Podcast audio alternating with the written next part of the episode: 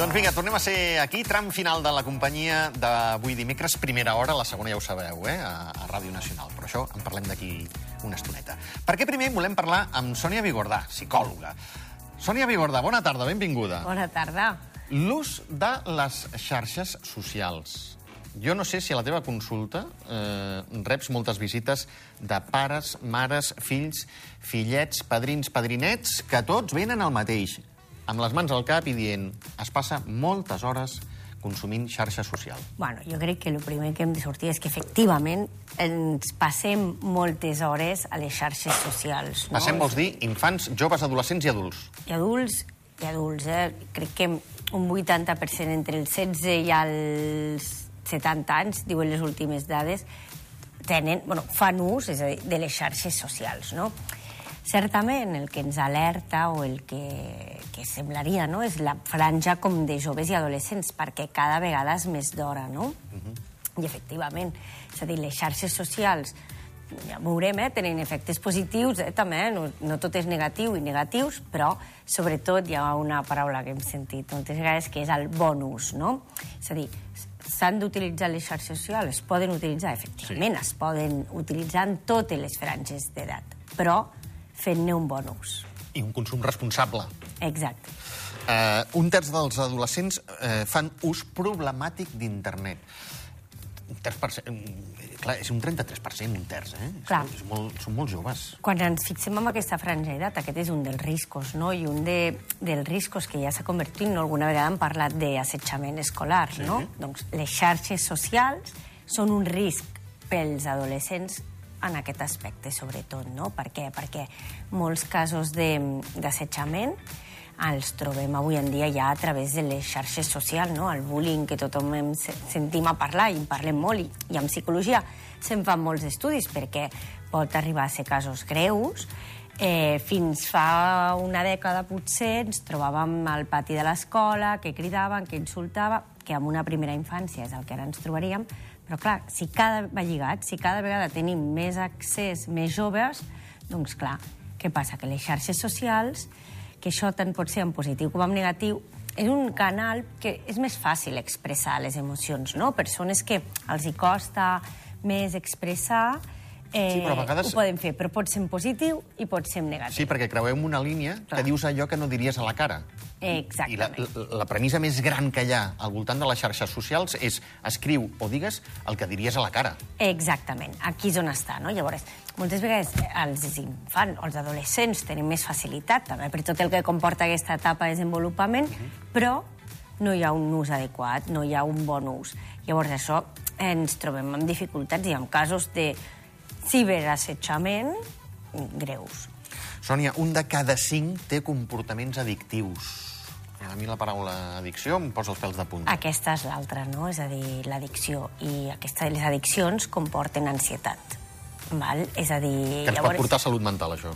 Exactament. No, tot això és un problema no? a nivell de salut mental perquè tant un assetjament amb una adolescència com una addicció que, perquè, per què ansietat? No? Pues perquè és addictiu, no? aquells moments que dic no puc connectar-me. No? Llavors, la voluntat o el desig de voler connectar-me en aquells moments amb alguna xarxa social i no poder és el que genera a nivell mental, a nivell psicològic, el que tots coneixem com a ansietat.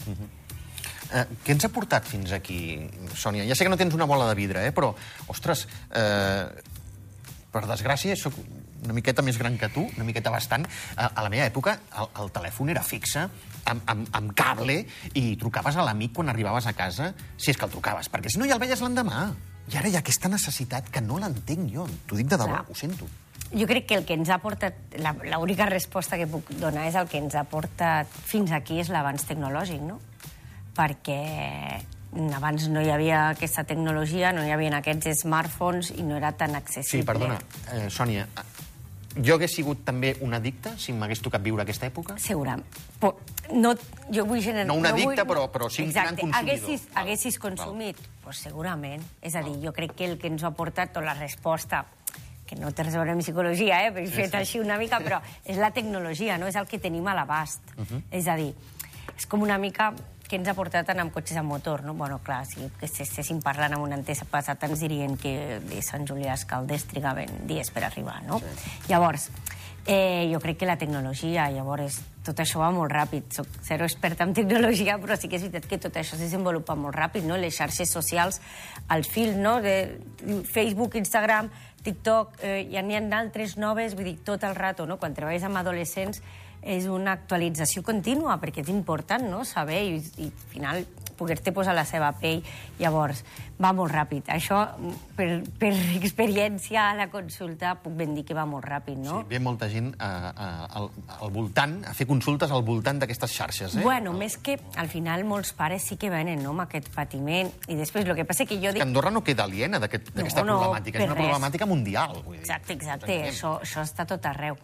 Sí que és veritat de que la pregunta, no? hi ha molts psicòlegs, hi ha molts estudis que diuen a quina edat no? les xarxes o el mòbil... Tenir mòbil, però clar, els mòbils avui en dia no són com els primers que hi van haver, no? És a dir, no és el mateix un smartphone amb què puguis posar aplicacions que un mòbil per trucar i per, per enviar no. quatre missatges. I al final tens una mica, no? L'altre dia una mare m'explicava que, que, que també nou, eh, tecnològic, hi ha un, uns rellotges que només serveixen per trucar, els sí. números que et poses... He sentit a parlar. Vull dir, i clar, deia, no, el meu fill està primer de l'ESO i em diu que els seus amics tenen... Clar, hi ha una mica la comparativa. Jo quan, quan sento les comparatives també dic, mira, al final hem de fer servir com a adults el sentit comú i també pensar que hi ha gent que no. És a dir, hi ha infants de 12 anys que tenen un mòbil d'alta tecnologia d'un valor econòmic molt excessiu. alt que tots sabem, que jo crec que excessiu amb un tema de val, per donar-hi valor, perquè no, ho no en són conscients, i que no els hi cal aquesta edat. I després hi ha eh, altres famílies de que tenen pues, aquest rellotge, altres solucions, bueno, per un tema també de protecció, no? que jo també ho entenc, de dir, sí. bueno, agafa, ara comença a agafar l'autobús tot sol, el que sigui, doncs vull, te, que vull que si res. té un problema em pugui localitzar o a l'inversa.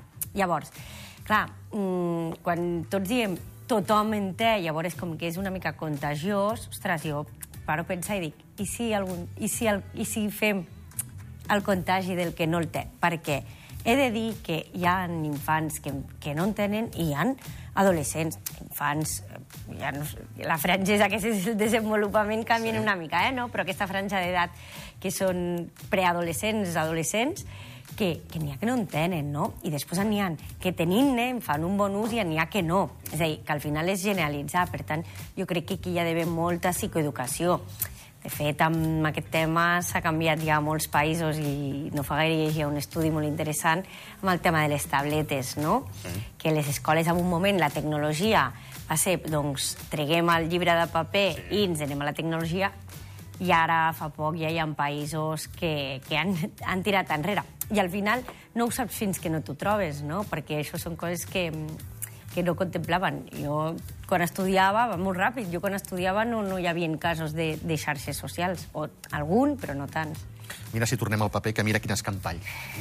Bueno, em cau, em cau cada, cada desbroncada, tants papers aquí, vols dir que calen? Sí. No puc estar amb una tauleta. Mira, què vols que et digui? Escolta'm, Sònia, eh, hi ha un senyal d'alarma, allò que diguis, ep, mm, m'ha passat això, o al meu fill li passa això, si parlem d'addicció, els senyals d'alarma són una mica com els que ens podem trobar amb, amb qualsevol addicció, eh? és a dir, tot el que sigui aquesta dependència, és a dir, que, que em creï dependència, de quan veig que el meu fill deixa de fer alguna altra cosa per tal d'estar de, de, amb el mòbil o la tableta o xarxes socials, si veiem que el nostre fill, el seu estat d'ànim pues, és irritable, té més allò, pues, llavors podríem començar a pensar un tema d'ansietat, fins i tot un estat d'ànim baix a nivell de depressió, i fins i tot podria um, arribar a dir que, que amb uns, amb uns certs paràmetres un infant que està molt addicte eh, bueno, també ho veuríem a nivell escolar, vull dir, no només dins de la xarxa familiar, sinó també a la xarxa escolar, no? amb un baix rendiment acadèmic. Una mica tots aquests factors que ens poden donar alerta als adults. Ara, ara de canvis de comportament eh, de l'infant. T'apretaré, Sònia, perquè ens queden 30 segons, o et queden 30 segons, dificultats per, com per comunicar-me amb el meu fill o filla. Què podem fer? Per comunicar-te a nivell de les xarxes socials o a nivell... No, perquè està enganxat a les xarxes i no hi ha manera. Bueno, jo en crec persona, que, eh? jo cara a crec cara, que, a casa. que mentre a casa hi hagin unes normes i sobretot uns límits, no? Hi han d'haver uns límits i els límits els hem de posar els adults com amb sentit comú, no? I al final el que farà enfadar amb aquest adolescent jo crec que a la llarga ens ho agrairà. Val. Però no el podem premiar o castigar mitjançant les, eh, la, dispositius eh, tecnològics. Bueno, al no? final, si hi ha Si unes et portes normes- bé, tindràs tauleta. Si no et portes bé, no tindràs tauleta. No té per què, no té per què, no, no, absolutament. Però sí un ús de pues, unes hores a uns moments eh, precisos, utilitzar-ho i amb altres, doncs no. Però això de premiar o castigar, no, no. Bueno, no és aconsellable, No, pregunto. no, depèn, sempre el premi i el càstig és, depèn de la franja d'edat i depèn del per què. És a dir, jo puc premiar el meu fill una estona d'oci a mirar la tele o, bueno, o les xarxes socials, dir, qualsevol tecnologia. I el puc castigar si li he deixat a un moment i després ha fet quelcom negatiu i li trec, no? Això seria ja el tema més de normes i límits. No ens castigueu, si plau, no ens castigueu perquè nosaltres, eh, recordeu que continuem a Ràdio Nacional d'Andorra, la 94.2 de la freqüència modulada, fins al punt de les 5 de la tarda.